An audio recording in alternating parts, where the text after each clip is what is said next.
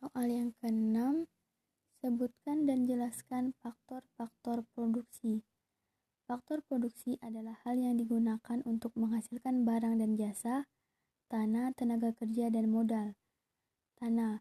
Tanah awalnya, tanah mengacu pada tanah di mana tanaman tumbuh. Istilah ini mencakup sumber daya alam yang diambil manusia dari bumi dan lautan tidak berubah dari kondisi aslinya.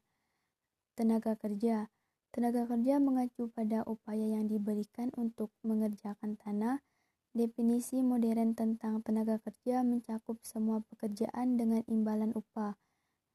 Modal Modal mengacu pada semua alat dan peralatan yang digunakan dalam proses pembuatan barang lain, bangunan peralatan kantor, mesin dan program perangkat lunak dianggap sebagai modal.